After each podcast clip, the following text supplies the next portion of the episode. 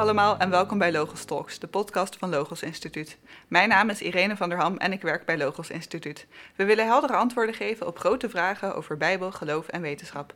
Vandaag heb ik hier als gast Gert-Jan van Heugten, redacteur bij Weet Magazine. Welkom Gert-Jan. Hallo. En we gaan het hebben over Jozua's dag. Wat, uh, wat is die geschiedenis precies? Ja, het staat in uh, Jozua 10, kun je dat lezen. Uh, Jozua die is uh, bezig met de, de Ammonieten te verslaan. En hij merkt van het begint donker te worden. Dus uh, nou, we moeten nog even wat langer door kunnen vechten eigenlijk. En hij spreekt dan een gebed uit, waarbij dat hij aan God vraagt om de zon en de maan stil te zetten, zodat het nog langer licht blijft.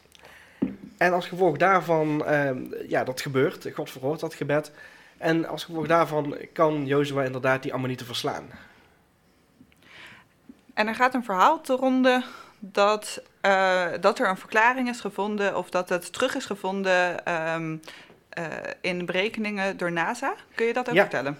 Ja, klopt. Dat zie je wel eens op internet voorbij komen. En dat is dan een, uh, een verhaal dat is de wereld ingebracht door een meneer Harold Hill. En die zegt van ik was als administrateur, of als adviseur moet ik zeggen, bij NASA was hij betrokken. In de tijd van het Apollo-programma, dus mensen naar de maan. En Hill die had daar een memo onder ogen gezien dat NASA met zijn uh, computers uh, de, de berekeningen had gedaan om de posities van de planeten te, te plotten. En hij zei van ja, daar kwamen ze niet helemaal uit. Er ontbrak een dag. En toen heeft er iemand bij NASA gezegd van hé, hey, maar als je nu eens in de Bijbel gaat lezen, dan gaat het over uh, Jozua dat de zon en de maan een dag hebben stilgestaan. Dus daar komt die extra dag vandaan.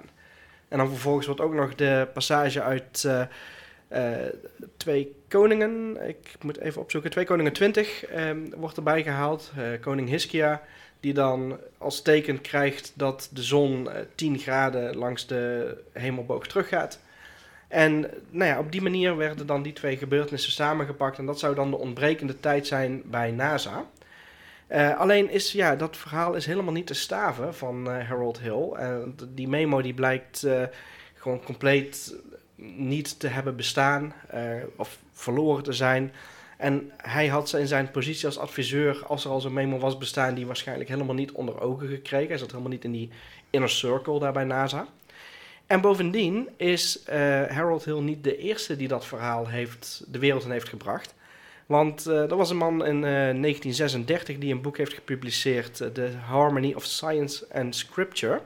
Het is een boek van Harry Rimmer en die heeft daarin ongeveer hetzelfde verhaal staan, alleen dan niet met NASA en computers.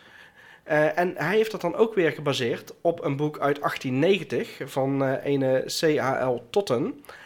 En Totten die zou dan hebben berekend hoeveel dagen er hebben gezeten tussen de schepping en de, de dag van Jozua. En nou ja, zo kon hij tot op de minuut eigenlijk uitrekenen dat die tijd ontbrak. En eigenlijk is dat gewoon een broodje A-verhaal, want je kunt helemaal niet op basis van de Bijbel zo nauwkeurig die berekeningen doen.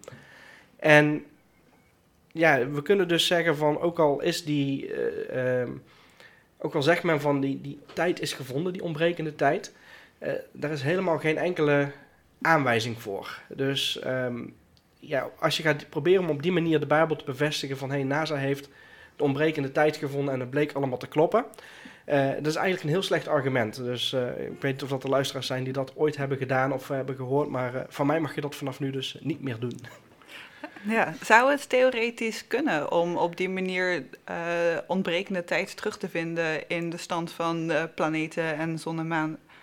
Nee, nee, dat kun je niet doen. Want uh, ook al zouden dan inderdaad de, de planeten of de zon en de maan hebben stilgestaan, of wat ik waarschijnlijk erachter dat de, de draaiing van de aarde is afgeremd, uh, dan zou je dat niet terug kunnen vinden. Want ja, de, de planeten die gaan gewoon door met hun normale banen.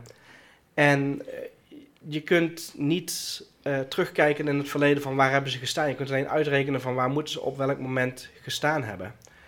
Ik denk overigens wel dat die, die lange dag, die daar bij Jozua wordt omschreven, dat dat echt is gebeurd. En er zijn ook aanwijzingen voor, ook vanuit andere plekken in de geschiedenis, dat er een uh, hele lange dag was, of een hele lange nacht, of een, een, avond dat de zon maar niet onder de hemel wilde zakken, of dat de zon maar niet op wilde komen.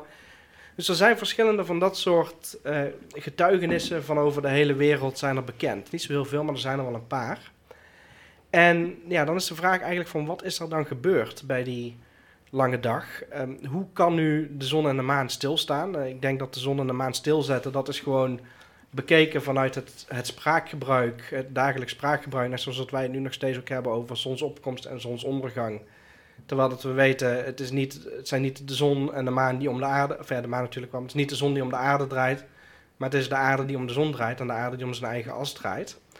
Uh, er zijn een paar verschillende opties voor van wat kan er dan gebeurd zijn. Eentje is dat uh, er is iets met lichtbreking geweest, dus dat de rotatie van de aarde en de zon en de maan die zijn gewoon doorgegaan.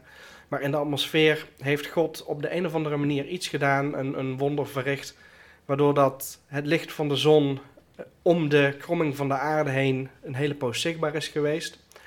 Uh, wat ook zou kunnen zijn gebeurd, is dat de aarde is afgeremd in zijn draaiing. En dan denk je misschien van, nou goed, als je nu de aarde stilzet en de aarde die draait om zijn as, dan, dan vliegt iedereen, uh, die vliegt hier tegen de muur aan. Maar als je die afremming langzaam genoeg doet, dan merk je er eigenlijk niks van. Ik heb een keertje uitgerekend, als je die afremming in een half uur doet en het terug opstarten ook weer in een half uur, dan voel je daar helemaal niks van als uh, aardbewoner. En zou je dan met app en vloed nog gevolgen merken of hebben we daar geen idee van? Ja, er is in uh, een van die uh, verschillende getuigenissen die er zijn van over de wereld, uh, bij Egypte, daar wordt gezegd dat die lange dag dat die ook samenging met een springvloed. Um, dus ja, het kan natuurlijk zo zijn dat God inderdaad de draaiing van de aarde heeft afgeremd. En dat het water, traagheid van massa, dat gaat er nog even wat verder door. Maar het kan ook zijn dat God de aarde met de zee en de atmosfeer allemaal tegelijk heeft afgeremd. Interessant zeg. Dankjewel. Graag gedaan. U heeft geluisterd naar Logos Talks, de podcast van Logos Instituut. Ga voor meer informatie naar logos.nl.